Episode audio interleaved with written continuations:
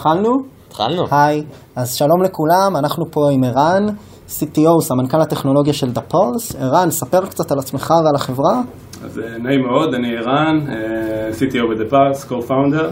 אה, אני אגיד כמה מילים על החברה, אז החברה בעצם היום עם 65 עובדים, יש לנו 13,000 חברות משלמות שמשמשות במוצר. המוצר עצמו הוא כלי לניהול של צוותים וחברות, שאני יכול לספר עליו יותר בהמשך. וזהו, תקופה מטורפת, צומחים והרבה דברים מגניבים קורים. הוצאנו אותך מהמשרד באמצע, באמצע הטירוף. כן, אבל uh, אתה יודע, לכבוד הוא לי, אז אני uh, שמח להיות פה. אז תודה רבה ערן, לכבוד הוא לנו. תודה רבה לכל מי שמקשיב. אנחנו בפרק הרביעי של עוד פודקאסט, פודקאסט לסטארט-אפיסטים וכאלה שמתעניינים ביזמות. תודה רבה לגלובס ותודה רבה לסמסונג נקסט שמארחים אותנו. אנחנו מתחילים את הפרק הרביעי מיד אחרי ה... עוד פודקאסט? עוד פודקאסט. עוד פודקאסט לסטארט-אפים.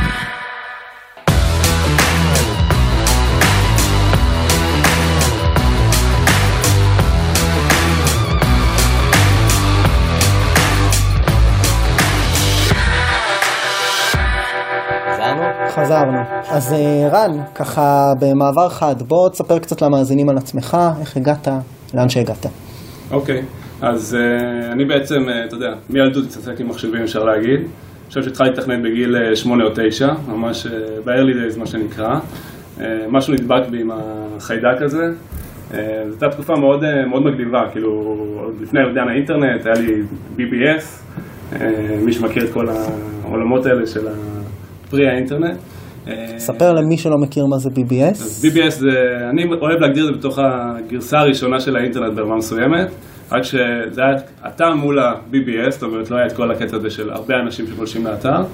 אה, זה היה מדהים, היה לך מודם בבית שהתחבר לקו הטלפון והיית מתקשר ל-BBS ים אחרים, מתחבר בטרמינל, רואה גרפיקה מטורפת בטקסט ובלי שום images. והיה שם עולם מטורף של שיתוף ידע, של אה, משחקים שהיה אפשר להוריד, תוכנות. זו הייתה פעם ראשונה שבעצם אה, בתור משתמש מחשב יכלת לחלוק ידע עם אנשים אחרים, כאילו מבחינתי. כאילו היום לוקחים את זה כמובן מאליו, שאתה יודע, יש לך איזושהי שאלה בתכנות, אתה יכול לחפש באינטרנט, תקבל תשובה תוך שנייה, פעם היית צריך הכל ללמוד לבד, ומעט ידע שהיית יכול לשלוף מ, אתה יודע, BBSים אחרים, או להתייעץ עם אנשים אחרים.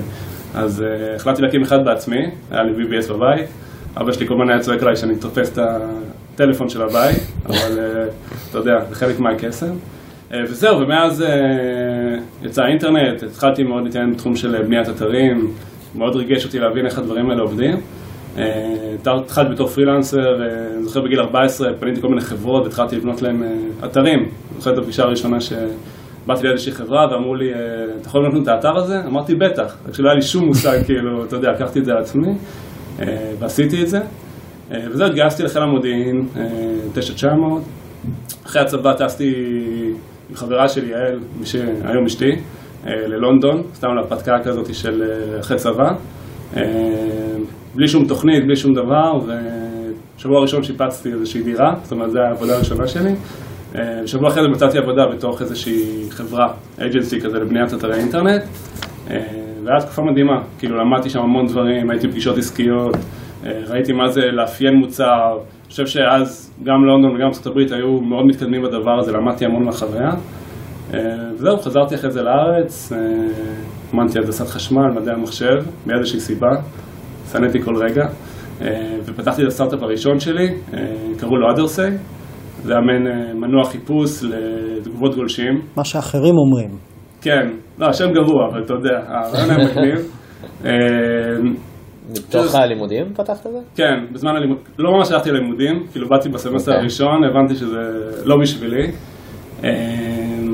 ואמרתי, טוב, בוא, בוא נעשה משהו שכן אה, מעניין לעשות. אה, ופתחתי את זה, עשינו בעצם, אה, אני ועוד חבר שהייתי מהצבא, עשינו איזשהו קרולר כזה, אתה יודע, אמרתי, אוקיי, בוא נסתכל על חברות מוצלחות היום בשוק, גוגל, אוקיי, בוא, בוא נעשה משהו כאילו יותר טוב. ומאוד עניין אותי לנושא של ביקורות גולשים.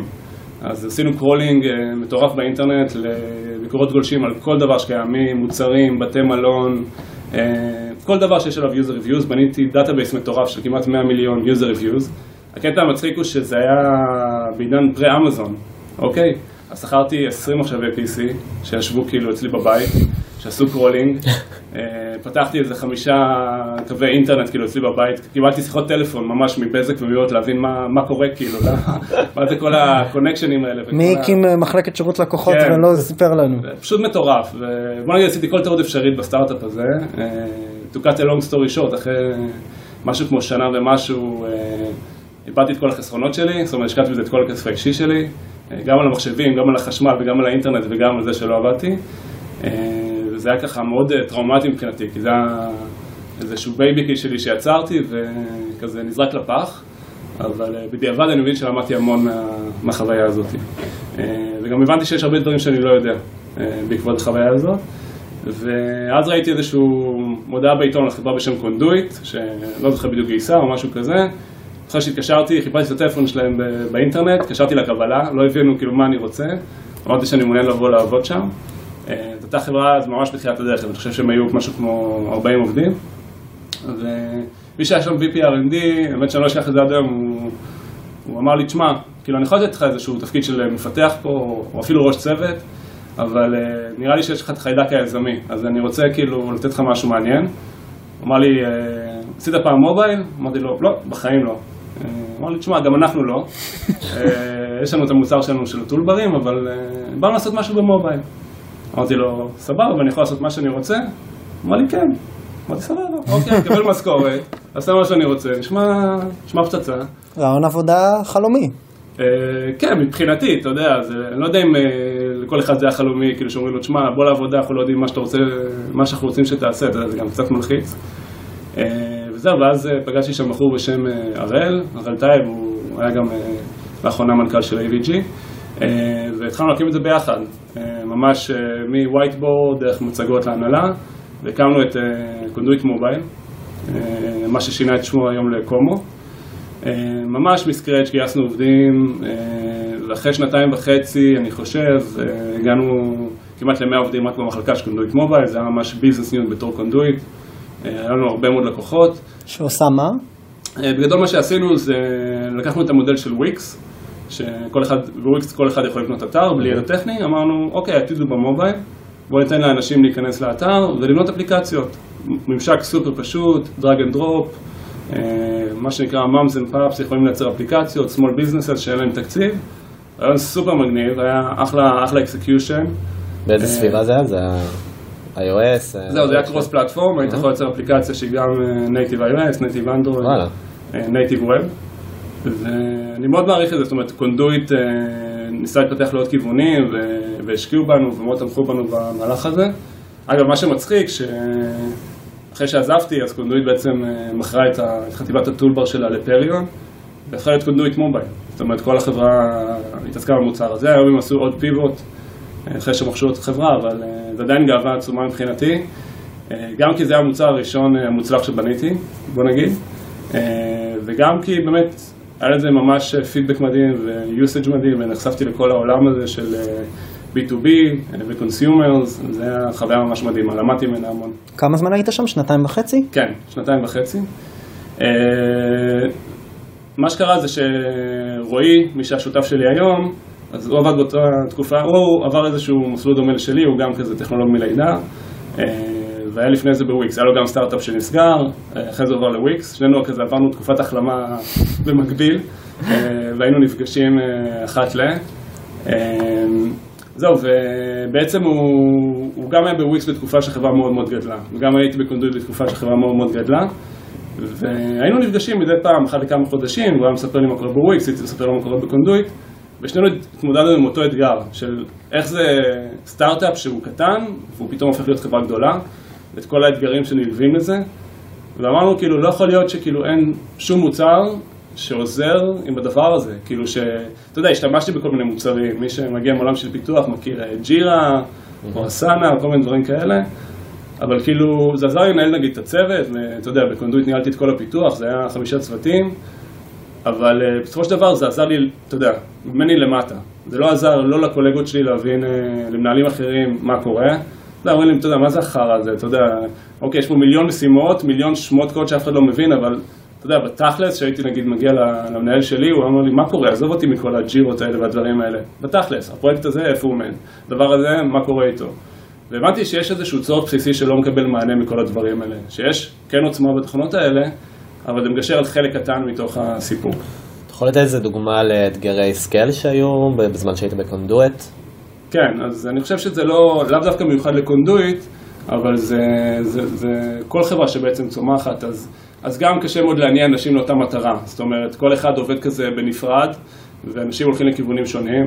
קשה מאוד uh, לסנכרן בין הקבוצות. לפעמים, uh, אתם בטח מכירים את זה, שכאילו uh, המרקטים באים ואומרים, רגע, בכלל לא ידענו שהפיצ'ר הזה יצא, ואז R&D אומרים, רגע, למה לא הודעתם את זה ליוזרים? ויש המון המון חוסר תקשורת אחד עם השני. Uh, ובעיקר אנשים עובדים, ב, אני, אני אוהב לקרוא לזה. Mm-hmm. זאת אומרת, כל אחד עובד בתוך העולם הפנימי שלו.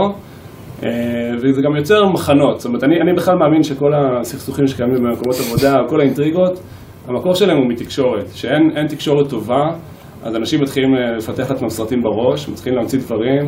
אה, והרבה פעמים התקשורת פותרת את זה, אבל כשזה לא רציף וזה לא טבעי, אז כאילו איכשהו המקום מוביל אה, למקומות כאלה. אז זהו, אז, אז רועי אמר לי שאבישי, המנכ"ל של וויקס, אמר לו ש... נתן לו אתגר, בעצם רועי יצא לעשות עוד סטארט-אפ, ואז אמר לו, תשמע, אם תפתור לי את הבעיה הזאת, זה יהיה מדהים, כאילו של ה-scale והגדילה של החברה.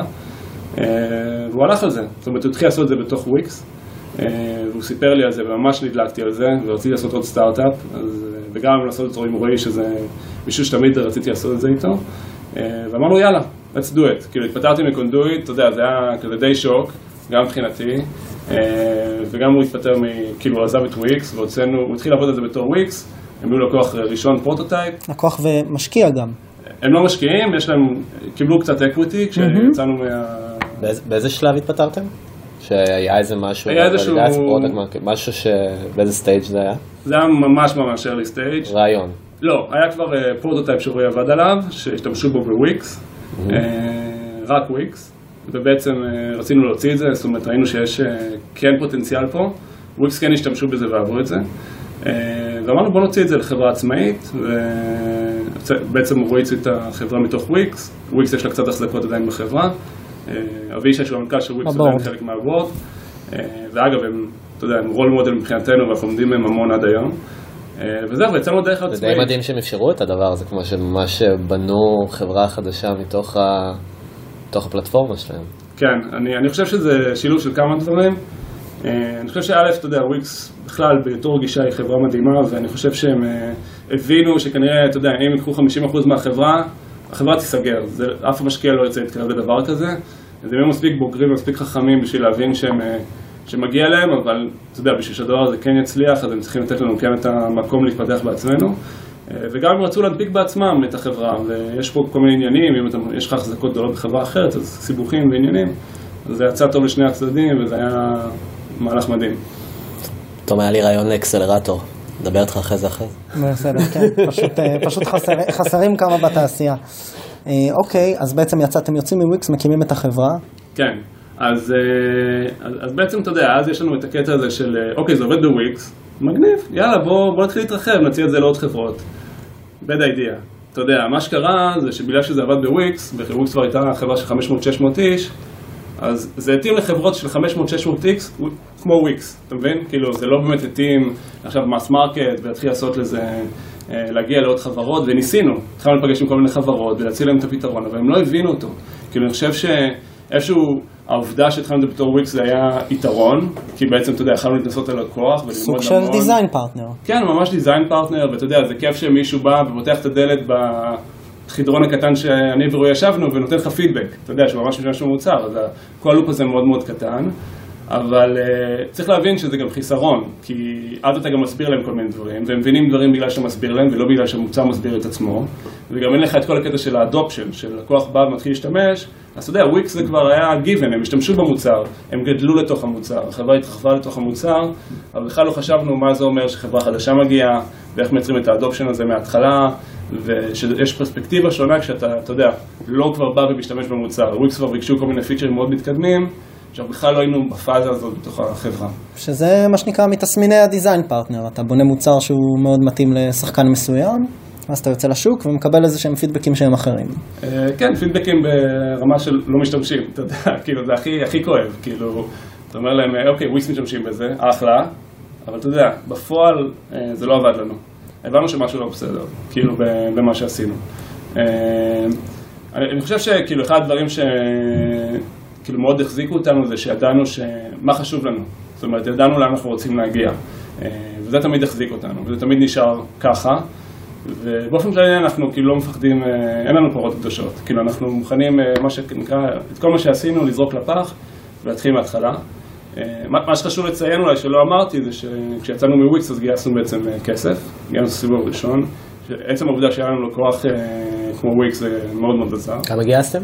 אה, גייסנו מיליון וחצי, אה, שמיליון הכניסו ג'נסיס פרטנרס, אז בזמנו זה היה עדן שוחט, אה, ואחר כך עדן עזב לאלף, וג'וני הפך להיות ה-partner שלנו, ואבי אייל מ-Entrée קפיטל, שהכניסו עוד 500 אלף דולר, וזה היה בעצם הסיד ראונד שלנו.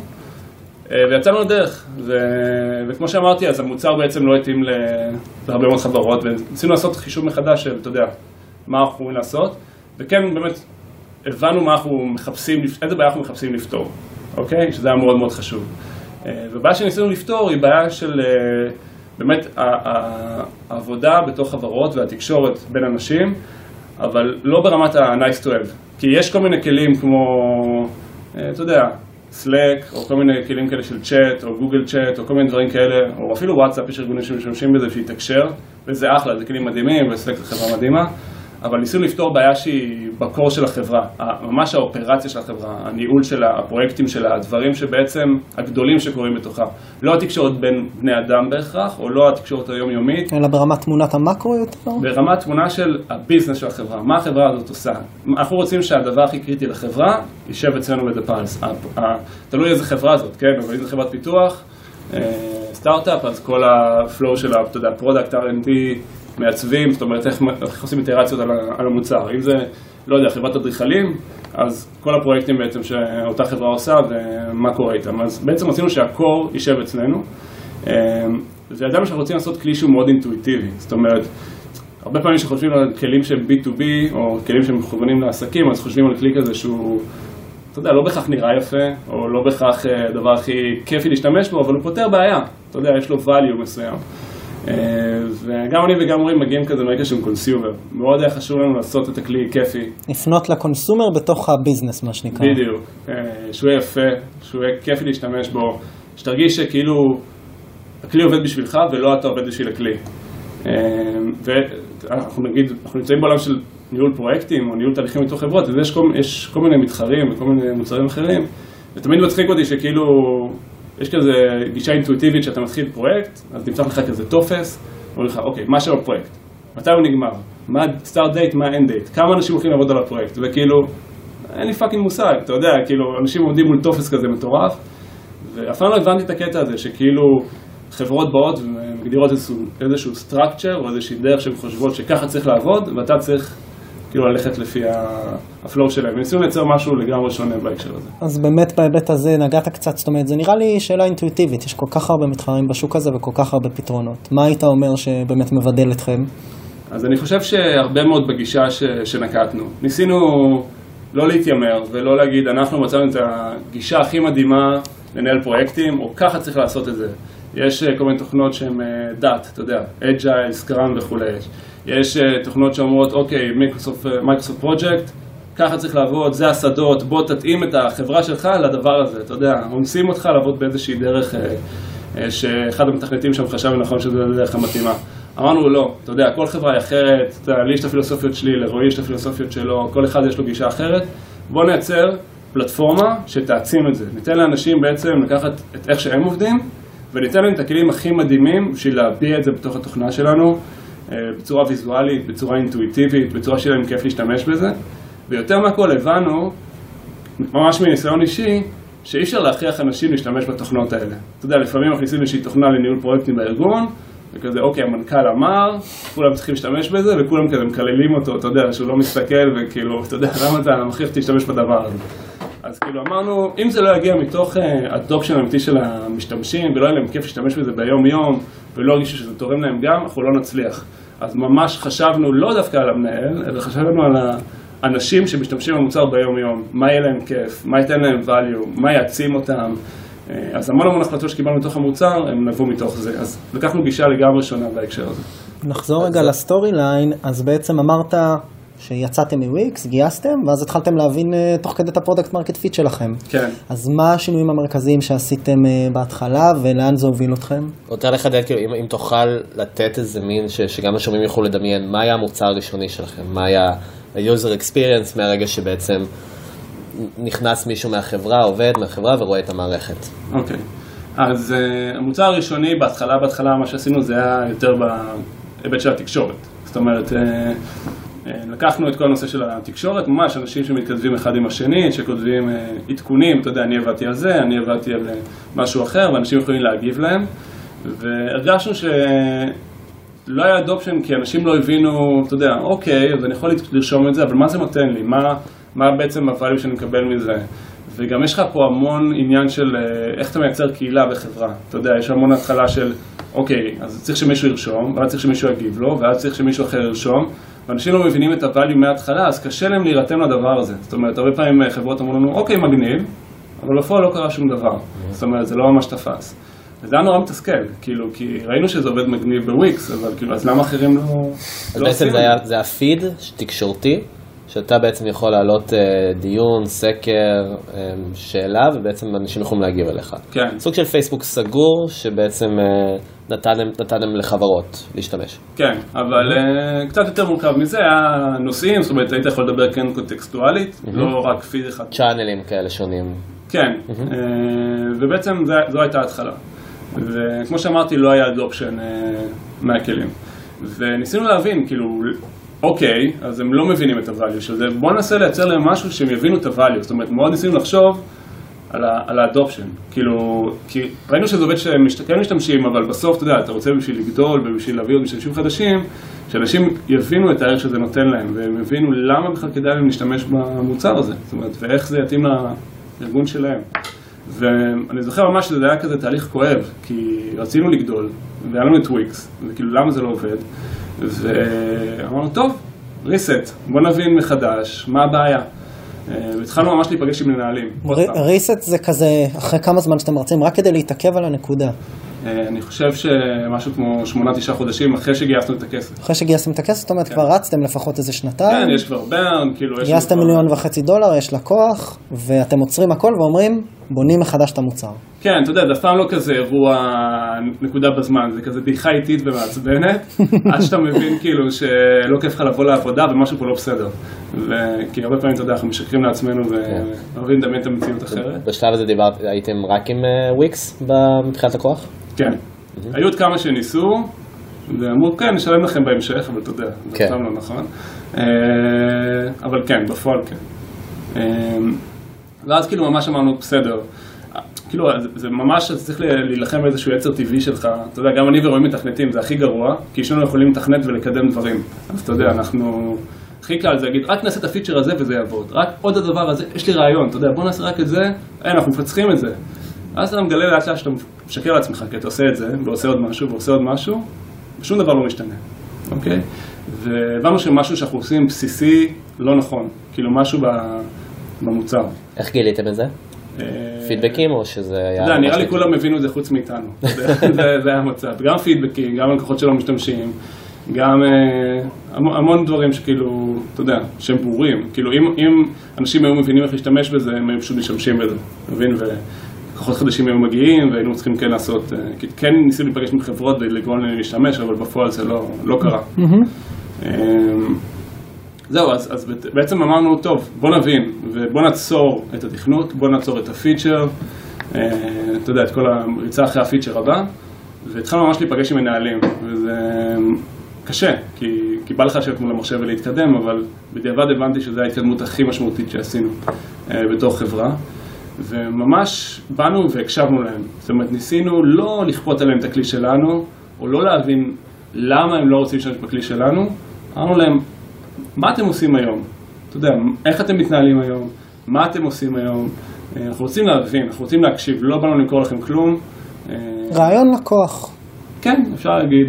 אה, וקרה משהו מדהים, אחד הדברים ששמנו לב, בלי שהם אמרו לנו אגב, זה שכולם כמעט השתמשו באקסל בשביל לנהל את, ה, את הצוות שלהם, המחלקה שלהם, והם אף פעם לא אמרו לנו את זה. זאת אומרת, אמרו לנו, כן, אנחנו משתמשים בכל מיני כלים, אבל אז כשאמרתי לו, אז תראה לי שנייה מה הפרויקטים שאתם עובדים עליהם, או מה המשימות, פתאום יש להם איזה אקסל כזה סודי שהם אה, פותחים, אתה יודע, הנה בוא אני אראה לך, אתה יודע.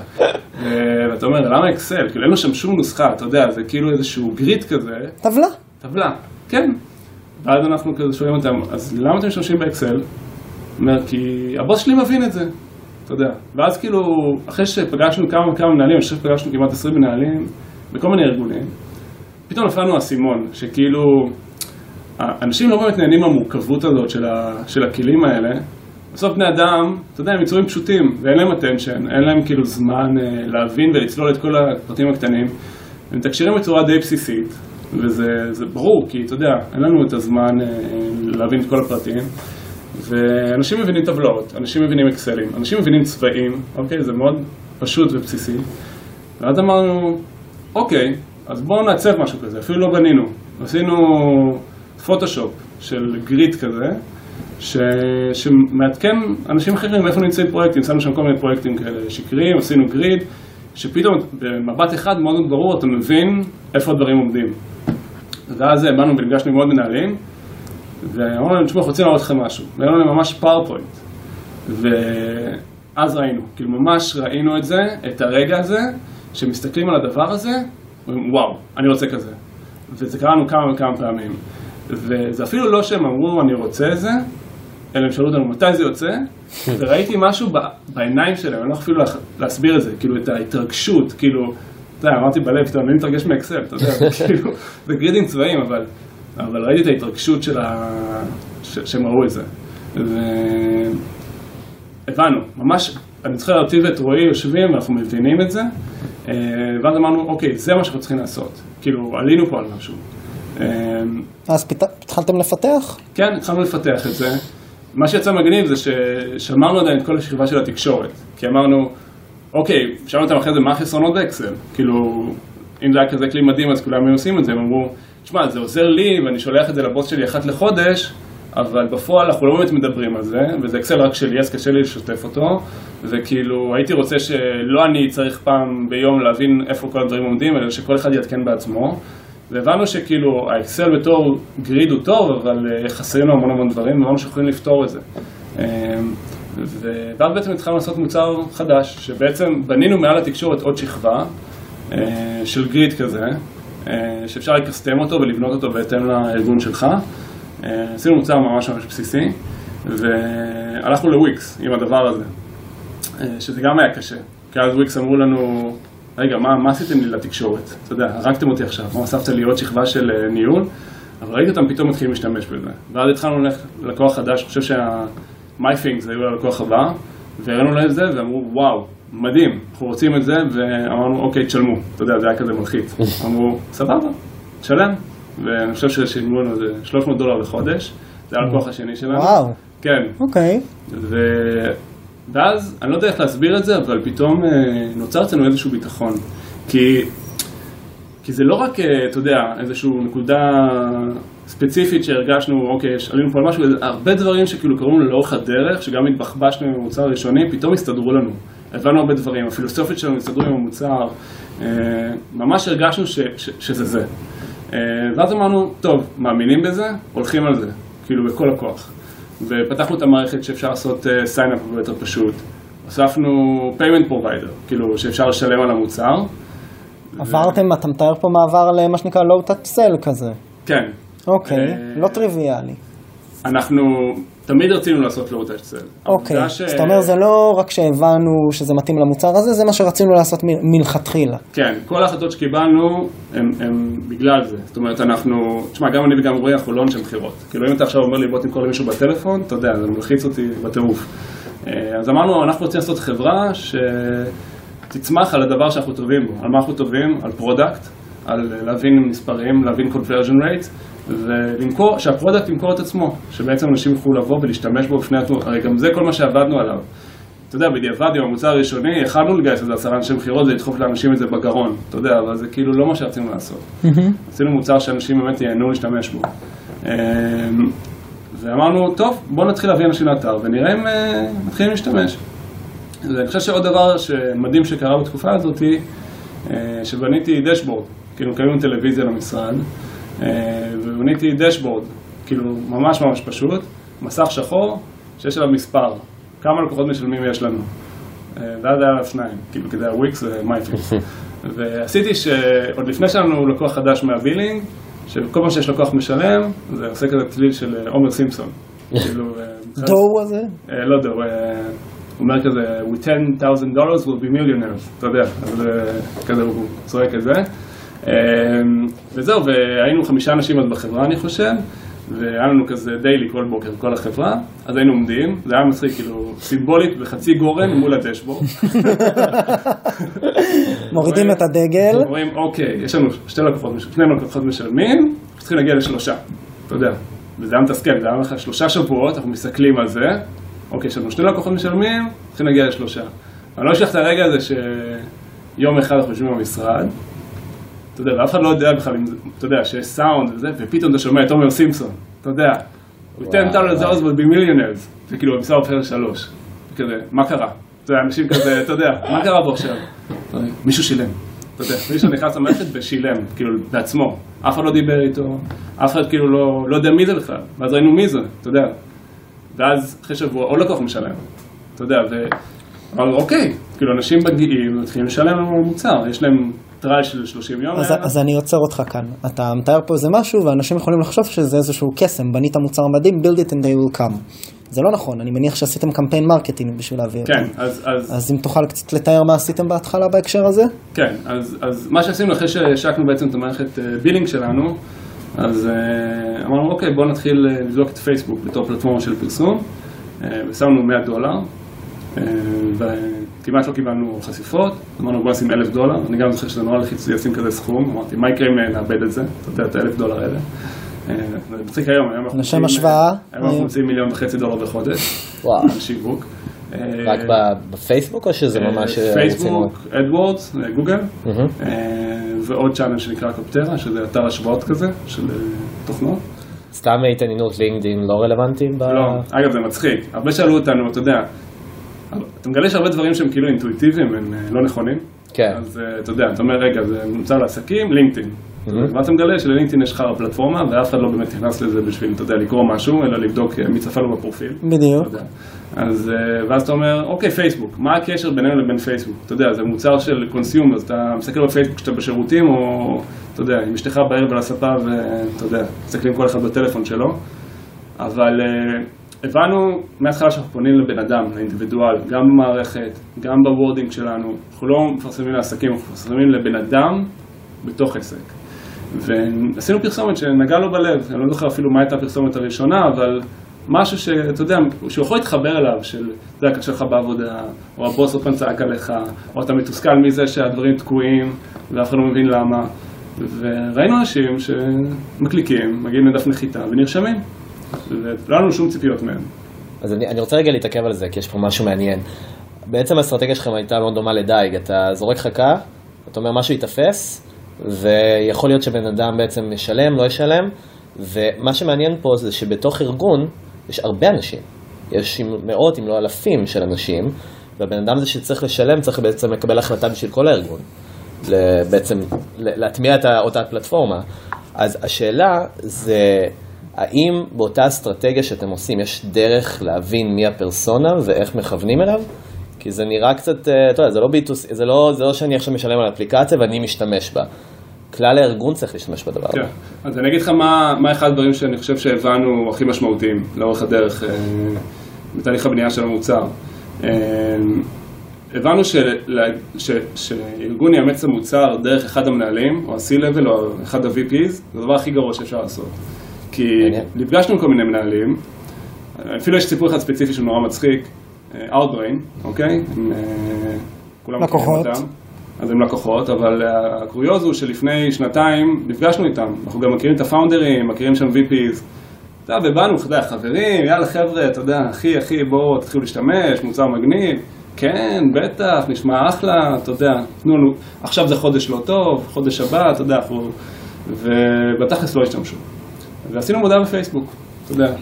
ומישהו, אני חושב אפילו מפתח, כאילו, הקליק למודעה, יתחיל להשתמש בה, יתחיל להשתמש במוצר, ואז יזמין את המנהל שלו, ואז יזמין את הקולגה שלו, ואז יזמין את המנהל שלהם, והמוצר ממש יתפשט בתוך הארגון.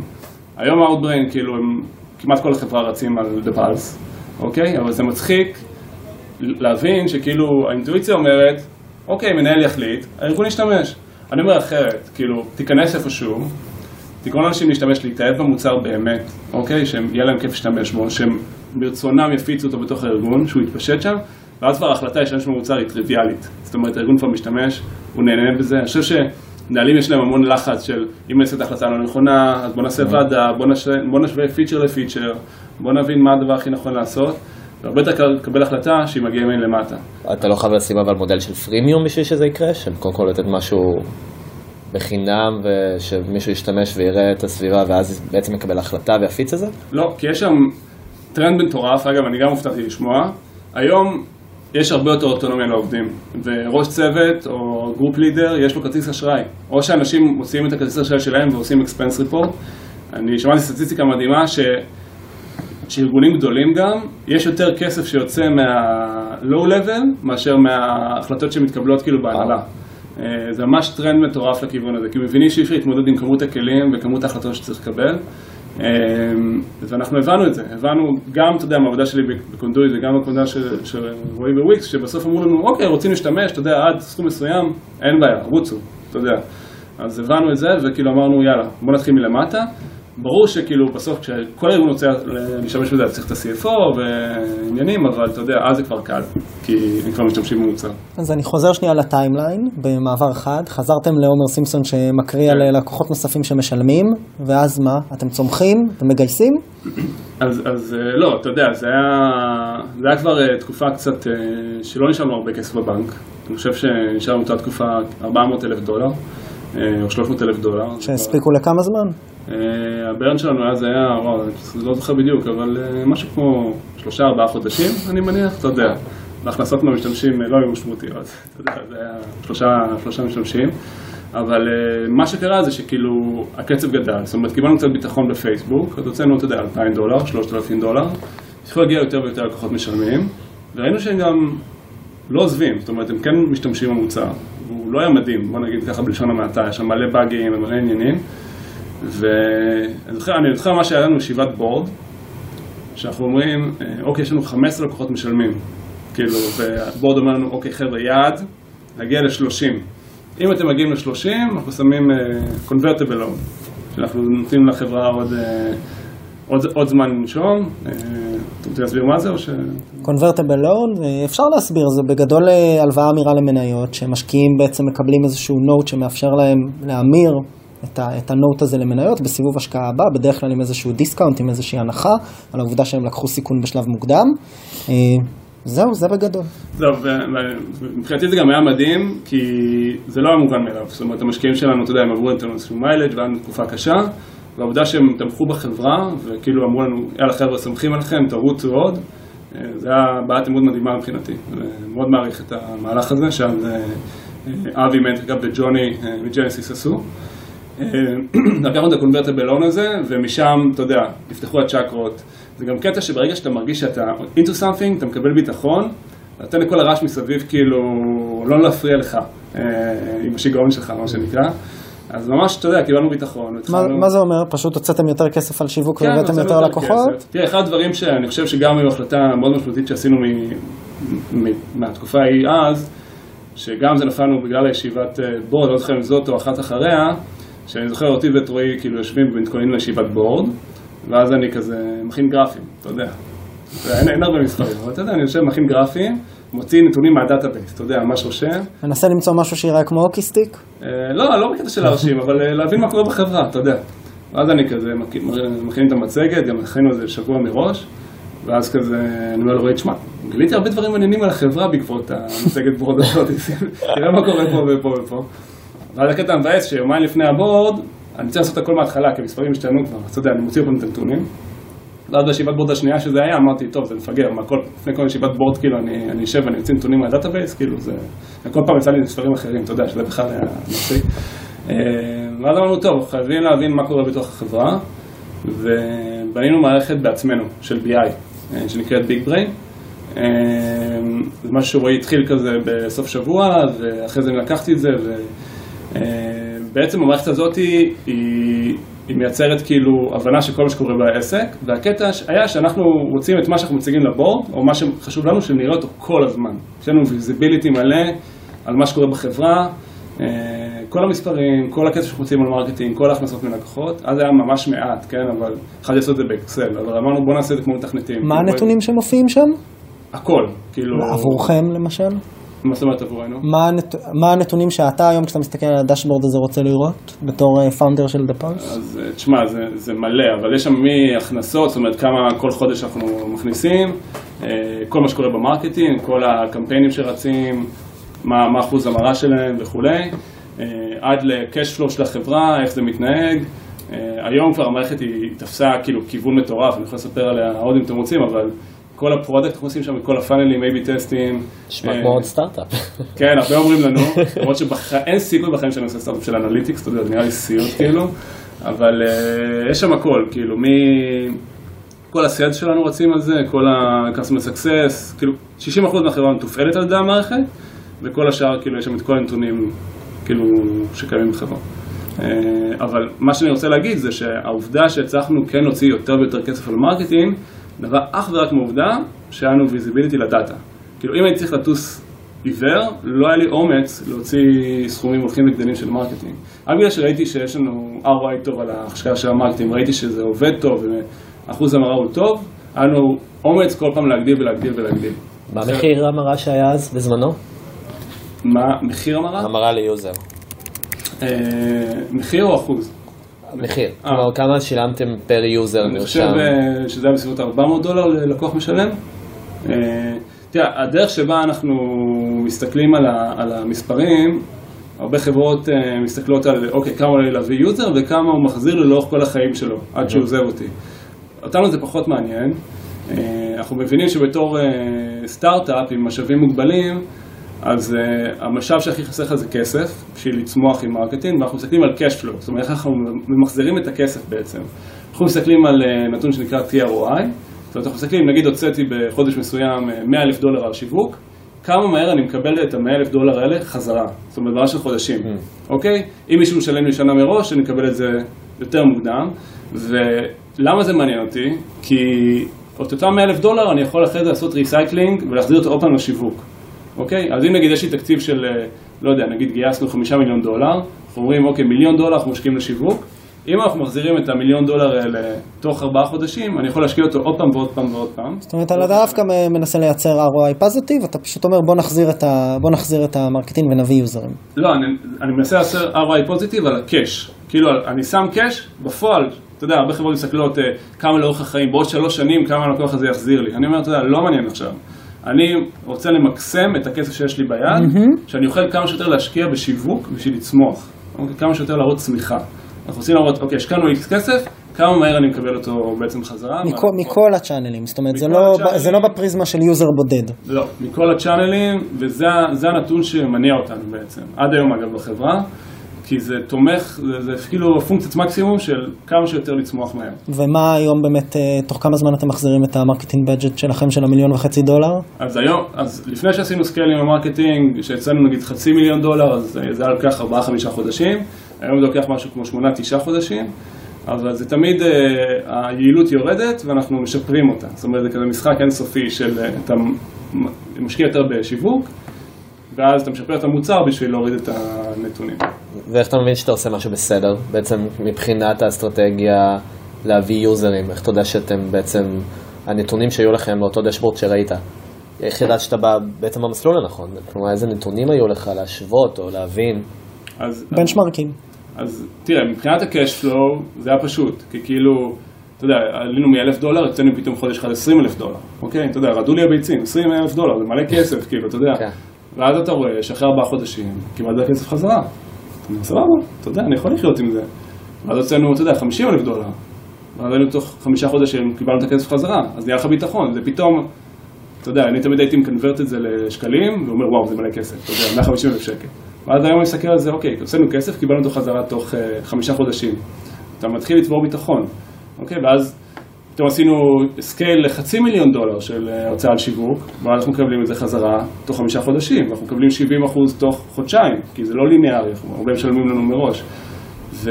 ואז פתאום אתה, אתה מקבל על זה המון המון ביטחון, כי המטריקה הזאת היא כוללת את הכל, אנשים שמשתמשים, אנשים ש... שאתה קונה מדיה נכון, כי הם כן הופכים להיות לקוחות משלמים, הם נשארים איתך לאורך זמן, הם מחזירים לך את ההשקעה, והחברה היא, היא בסדר מבחינת ה-cash flow, כאילו, הכסף שאני מוציא חוזר אליי, זה לא שאני זורק כסף לפח.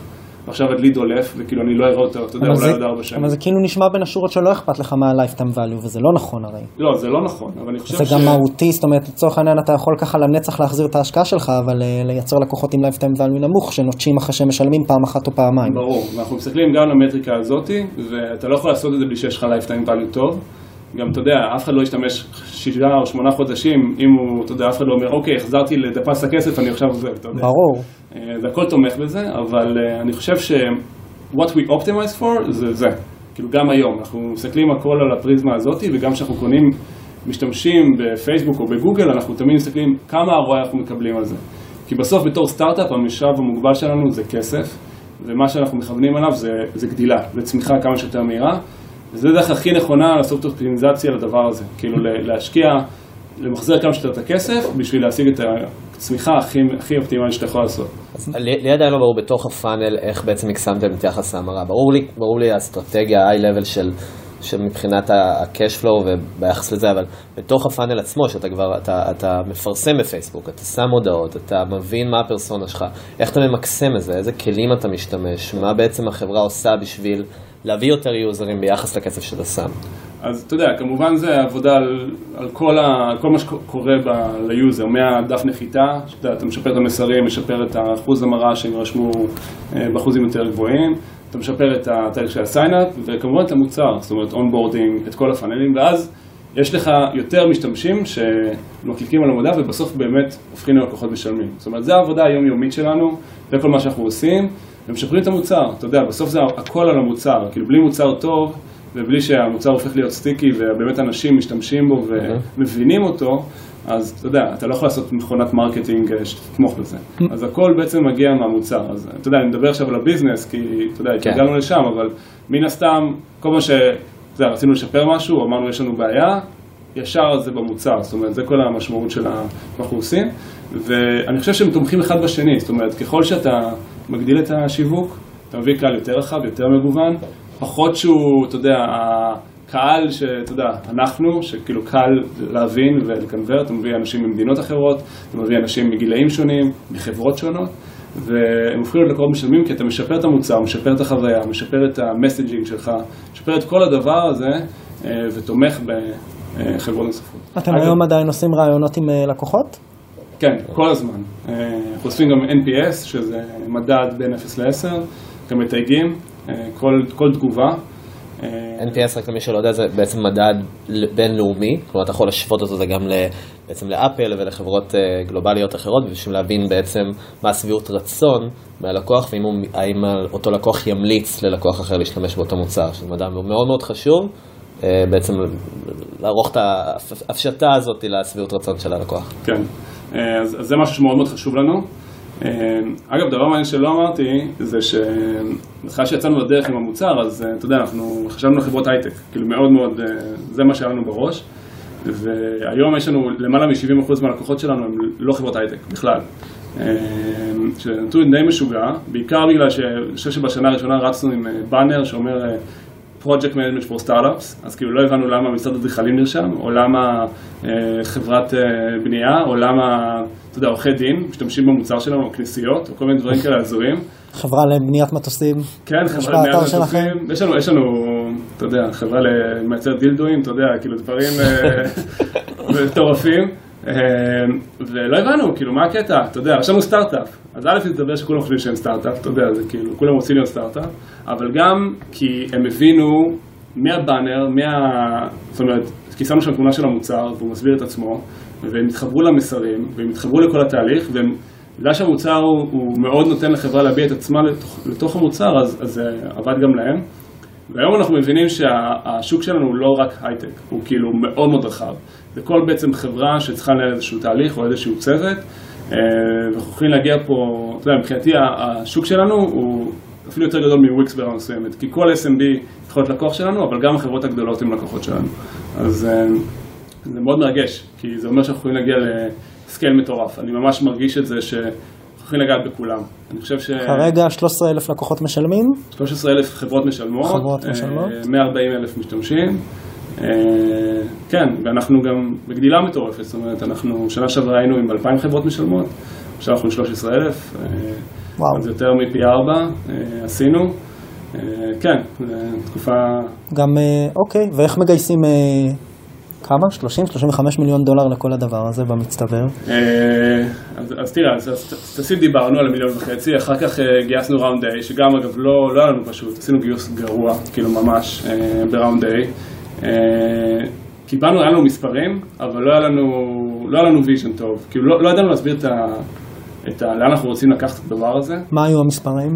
אני חושב שהיה לנו אולי 200 חברות משלמות כבר, אתה יודע, זה כבר משהו כן משמעותי, והיה לנו מספרים להראות, אמ, אבל גם, גם עשינו את הסיבוב גרוע, כאילו, אתה יודע, לא, לא שלחנו את החומרים כמו שצריך, לא, לא סידרנו את ה VCs כמו שצריך, אמ, היה לנו הרבה כמעט השקעות, מה שנקרא, אה, כולל term sheet שאתה יודע, אז, אה, ואז קיבלנו term sheet, אה, מאיזשהו VC די טוב, והמשקיעים שלנו, גם בגלל שבאותה תקופה הלכנו ממש טוב, אמרו, היו ככה מאוד בוליש, אמרו, אוקיי, אנחנו משווים את התנאים, שמים לכם את אותו ראונד A, אה, גייסנו 7.6 מיליון דולר, אה, ואני חושב שמאז... מ Entrée ו Genesis? ו Genesis ועוד קבוצה של אה, משקיעים אוסטרליים, אה, A1 Capital, ומאז אנחנו, אני חושב שמאוד עלינו על הגל, זאת אומרת גם בתור חברה וגם מבחינת המספרים, אה, מאז ה round A.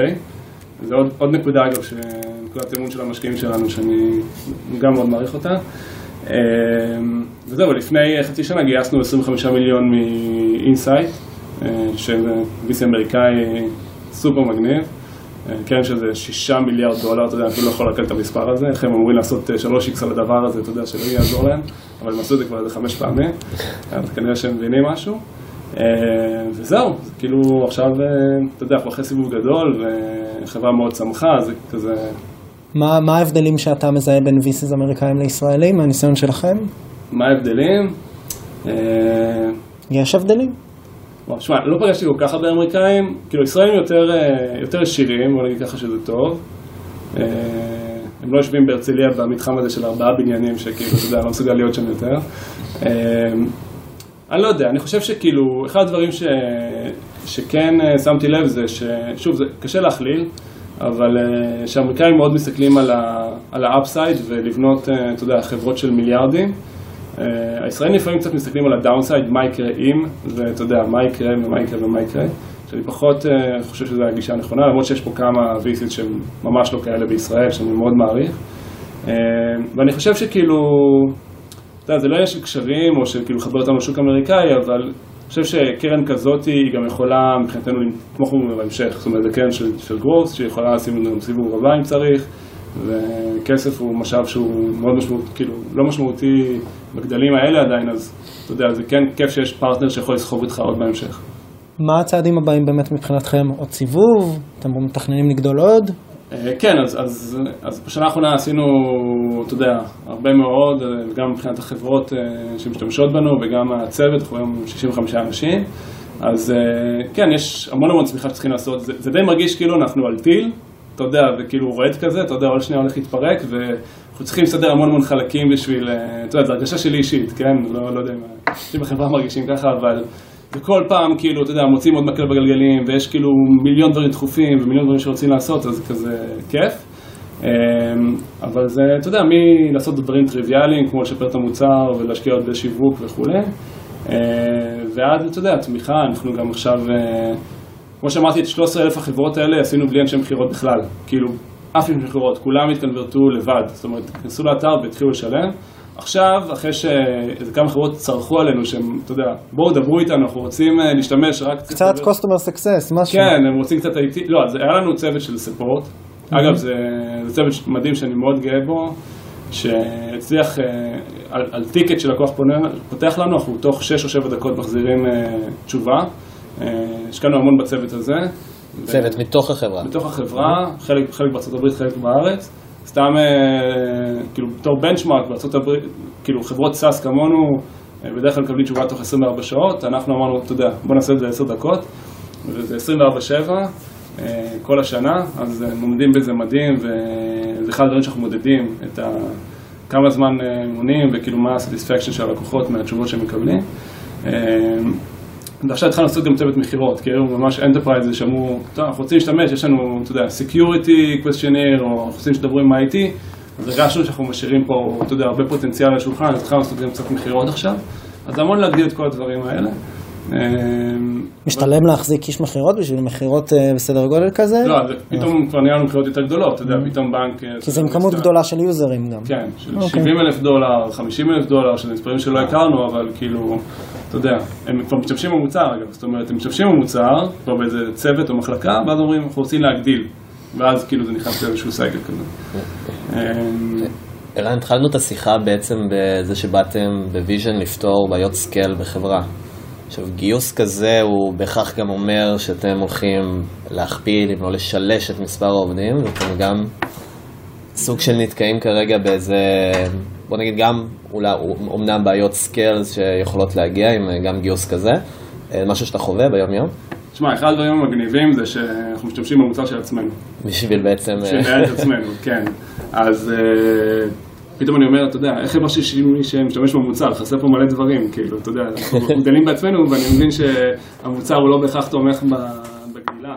אז, אה, אז זה גם מגניב, שאנחנו עושים כזה dogfooding לעצמנו, ואנחנו גדלים ביחד עם המוצר, ואז כתוצאה מזה הוא גם מתאים לחברות יותר גדולות. אז בטח המוצר זה אחד הדברים ש... שעוזרים לנו בתקשורת ובגדילה. אה, אנחנו גם, אה, יש לנו, לי ורועי, הרבה מאוד פילוסופיות על, אתה יודע, מה נכון בלנהל חברה, אנחנו... גם דוגלים בשקיפות בחברה בצורה די קיצונית. גם המוצר עצמו הוא מאוד מאוד מוכוון לשקיפות, זאת אומרת, כל הדיפולט של המוצר זה לשתף, ושכמה יותר אנשים אה, יראו מה קורה בשאר האזורים בחברה, אז אה, המוצר מאוד מוכוון לשקיפות, אבל גם אנחנו בתור חברה, אנחנו כזה practice what you preach, אז אנחנו גם בתור חברה, אתה יודע, אה, מתנהלים מאוד בשקיפות כלפי העובדים. מה זה אומר? שקוף לגבי מה? מה זה אומר? הכל. כאילו ממש הכל. אני חושב שחוץ ממשכורות של עובדים, הכל שקוף. אה, אם הייתם באים... מטריקות, החלטות שמתקבלות. אה. הכל. אה, יש לנו בחברה, אני חושב, אגב, אפרופו דשבורדים, יש לנו היום 60 דשבורדים בחברה. לא 60 שונים, אבל 60 טלוויזיות בחברה שמציגים דשבורדים. כל המספרים גלויים שם, אם נגיד אנשים באים לראיון או באים לבקר, כל המספרים גלויים שם, כמה הכנסנו חודש עבר, כמה return revenue, כמה הכנסות שנתיות יש לנו, כמה משתמשים, הכל בעצם חשוף. והמערכת שדיברתי עליה, ביג בריין, היא פתוחה לכולם. זאת אומרת, כל העובדים בחברה, מ-HR, דרך פיתוח, דרך marketing, sales, כולם. יכול להיכנס בכל רגע נתון, לראות מה מצב החברה. אין לאף אחד הרשאות, אין, בוא נגיד, לי בתור founder, אין שום מידע שאין לעובד בחברה. אם אני רוצה לדעת משהו על העסק, אני מסתכל ב BigBrain, שלכולם יש את אותם, אה, אותה גישה. כל מצגת board אנחנו מציגים את זה לכל החברה, אנחנו פשוט משתפים אותם בהכל. אני מאוד מאוד מאמין בזה, וזה יצא לנו תוצאות מדהימות עד היום. מה הפילוסופיה מאחורי זה? כלומר, אני יודע שזה אולי קצת אה, ברור שאתה יודע, ככל שתהיה יותר שקוף, תייצר יותר אמון בעובדים, אבל מה, מה באמת הפילוסופיה שלכם מאחורי זה, ואיך אתה רואה את ההצלחה במוטיבציה של העובדים ובעצם במחויבות שלהם כלפי החברה? כן, זה... לא, שאלה מעניינת. אני, אני כאילו, א', אתה יודע, אני שואל את עצמי מה הפילוסופיה בלהסתיר, אתה יודע, התחלתי לשאול את עצמי את השאלות האלה, כי, לא יודע, מישהו צילם באינסטגרם את הדשבורד שמראה את כל הרבניו שלנו, ושם אותו באינסטגרם של החברה. קרה. כן, זה קורה גם עכשיו. כאילו, אנשים מצלמים, הנה, תראו, הגענו לעשרת אלפים לקוחות, ויש שם את הכל. ואז אנשים כזה, אתה יודע, אתה יודע שמישהו בחברה שם את זה באינסטגרם? אתה יודע, זה כאילו, אוקיי, ואתה לא מפחד שידעו? מה יקרה אם ידעו? כאילו, אתה יודע, אז אתה רואה את הצד השני כזה חושב. אין לי תשובה, ככה זה עובד עד עכשיו, זה העולם. בדיוק. אז אה, אני אומר, אתה יודע, anyway, חברה מנפיקה, כל המספרים שלה הופכים להיות פאבליק. אז כאילו, למה לעשות את זה מעכשיו? וכאילו להתרגל לרעיון. וזה לא שאני אומר, אוקיי, זה חוכמה, נגיד, שהולך לנו טוב, זה, זה מ-day one ככה. כאילו, גם בתקופות קשות, גם בתקופות שנשארו 300 אלף דולר בבנק, והיה לנו 15 לקוחות, גם בתקופות שהלך פחות טוב. אנחנו חושפים את זה לאורך כל הדרך, ועדיין יש אנשים בחברה שכאילו, אתמול אפילו היה לנו ישיבה מצחיקה, שכאילו אמרתי, חסר משהו בביג בריין. אנשים אה, לא יודעים כמה על מה אנחנו מוצאים את הכסף חוץ משיווק, כאילו על, משרד, אה, כמה עלה השיפוץ, כמה עלה, לא משנה מה, כמה עולים הסנדוויצ'ים בבוקר, אני רוצה להגיד הכל, כאילו, אז אה, אז מי שמנהל אצלנו את הפייננס, שאמרתי, נו, ואתה לא מפחד ש... אני אמרתי, אני עושה גם גרף של כמה כסף יש לנו בבנק, שידעו כאילו כל חודש כמה כסף נשאר בבנק בחברה. הוא אמר לי, אתה לא מפחד להציג את זה, שכאילו אנשים אה, יפחדו אם הספינה שוקעת? אמרתי לו, תשמע, אם הספינה שוקעת, היא שוקעת, אתה יודע, מה, אפשר לעשות? כאילו, שקע. אם מישהו רוצה לעזוב, אני אומר לו, ההפך, כאילו, לדעתי זה מחשל, זה מחבר את האנשים, הם מבינים, זה לא מפתיע אותם אף פעם, הם מרגישים חלק מזה, ואני חושב שיותר מכל זה מעצים אותם. כי מה שקרה, בגלל שהכל חשוף לעובדים בחברה, בגלל שכל המתיקות חשופות, בגלל שכל הביזנס, כולנו מבינים את כל הביזנס, את ה-cash flow, כמה כסף יוצא, כמה כסף נכנס, הכל, אז אנשים מבינים את זה, אנשים גם, אה, אתה יודע, פתאום הם מתחילים לחשוב בפרספקטיבה הזאת. למה רק אני צריך להחזיק את הדבר הזה במוח שלי ולתרגם את זה לכל אנשים בחברה, שכולם אנשים סופר אינטליגנטים, כולם יכולים להבין את זה, אני לא מיוחד. אתה יודע, אז כאילו, בוא ניתן להם את הכלים, בוא ניתן להם את הכוח. ואני חושב שעד היום זה מדהים, כאילו, איך שזה... כן, ויש פה, אני מניח, גם selection bias, שמי שאוהב את הסביבה הזו נשאר, ומי שלא, לא. כן, אתה יודע, זה מייצר, מייצר קלצ'ר מסוים, אה, שמאפיין את החברה, אה, ואני מניח שזה לא מתאים לכל אחד, וזה יכול להיות אולי מלחיץ לחלק מהאנשים, אבל אני חושב שזו החברה שאני רוצה לייצר, אז כאילו זה מאוד מאוד חשוב אה, לעשות את זה. זה גם הולך בקורלציה, כמובן עם המוצר שלכם והוויז'ן, מה שאתם מנסים לייצר בעולם ובארגונים אחרים. כן, כאילו, אנחנו לא, לא כפינו הרבה על, ה, על המוצר עצמו, וכאילו, אתה יודע, איך לנהל, אבל יש דברים שחשובים לנו, שקיפות זה אחד מהם, כן. אנחנו מאוד מכווינים את הלקוחות שלנו לעשות את זה, וגם מדברים על זה, אבל אנחנו לא כופים את זה עליהם, אבל אנחנו מכווינים אותם לשם. אני חושב שה key takeaway, לפחות אה, שלי מהשיחה הזאת, זה תחיה את ה vision, כלומר, לא רק איך שהמוצר שלך בנוי ונראה ומרגיש, אלא גם איך החברה עצמה חיה את המוצר שלה, ובעצם... אה, זה, זה נוגע לכל הדברים, נוגע לעובדים, להתייחסות, לתרבות שלכם בתור חברה. כן, אני לא חושב שאתה יכול uh, לעשות מוצר שהוא X ולהתנהג Y, כי, כי זה, זה לא אמיתי. כאילו, כן. כאילו בסוף זה, זה, זה, זה יצא, ואתה כן. תאבד שליטה על זה. אם הייתם משתמשים עד עכשיו באקסל לניהול פרויקטים, אז... אה, אז ככה, לפני שאנחנו מסיימים, יש לך איזה טייק אחרון שאתה רוצה לתת למי ששומע? טייק אחרון? לא יודע, אני, אני הרגשתי שכאילו לאורך הדרך, אתה יודע, התייעצתי עם הרבה אנשים, הרבה אנשים אמרו לי הרבה דברים, הרבה דברים, אנשים אמרו לי, אתה יודע, שזה לא יעבוד, שזה כן יעבוד, ש... כאילו, לאנשים יש הרבה דעות, ואני חושב שאין אמת אחת, ואני למדתי עם הזמן שאחד, אתה צריך המון אמונה עצמית, ולהבין מה חשוב לך בתור בן אדם, זה חייב גם להתחבר לאופי שלך, כאילו, אתה לא יכול אה, לעשות משהו שהוא לא אתה, אה, ואם זה מגיע מהמקום הזה, שזה כאילו... שזה אתה וזה החברה ואתה מאמין במה שאתה עושה, אז לך עם זה. וכל מה שיגידו לך מהצד הוא לא משמעותי, ואמרו לי הרבה פעמים, ואתה יודע, אתם משוגעים, וזה לא יעבוד לכם בלי מכירות, וזה לא יעבוד לכם לא מהנהלה, וזה לא יעבוד לכם, זה שוק מוצף, אל תיכנסו לשם, וכל כך הרבה, ואנשים חכמים, כן, לא אומר לך כאילו, שאלתי את אחותי, כן, זה כאילו, שגם חכמה. הסתבכת. אתה יודע, אנשים מהתעשייה, ו-VCs, וכאילו כל מיני, ו... ובסוף אתה מבין, אתה יודע, לכל אחד יש דעות, גם לי יש דעות, אתה יודע, חלק נכונות, חלק לא נכונות, ותאמין בדרך שלך, אתה יודע, אל תהיה מפגר, כאילו, תשאל עובדים, תשאל אנשים אחרים, כאילו, תלמד, אבל, אבל תבין לאן אתה רוצה להגיע, ואני חושב שזה מה שאמור להנחות אותך בסופו של דבר, כי שום דבר אחר לא ינחה אותך. מעולה, ערן. הללויה. תודה רבה. אני מקווה שזה לא יוצא יותר מדי. היה מצוין. אז ערן, תודה רבה רבה. אה, תודה רבה לכם שהקשבתם, פרק הרביעי של עוד פודקאסט. טומי, תודה. תודה גיא. תודה רבה לגלובס, בכיף, ותודה לסמסונג נקסט, נתראה בפרק הבא.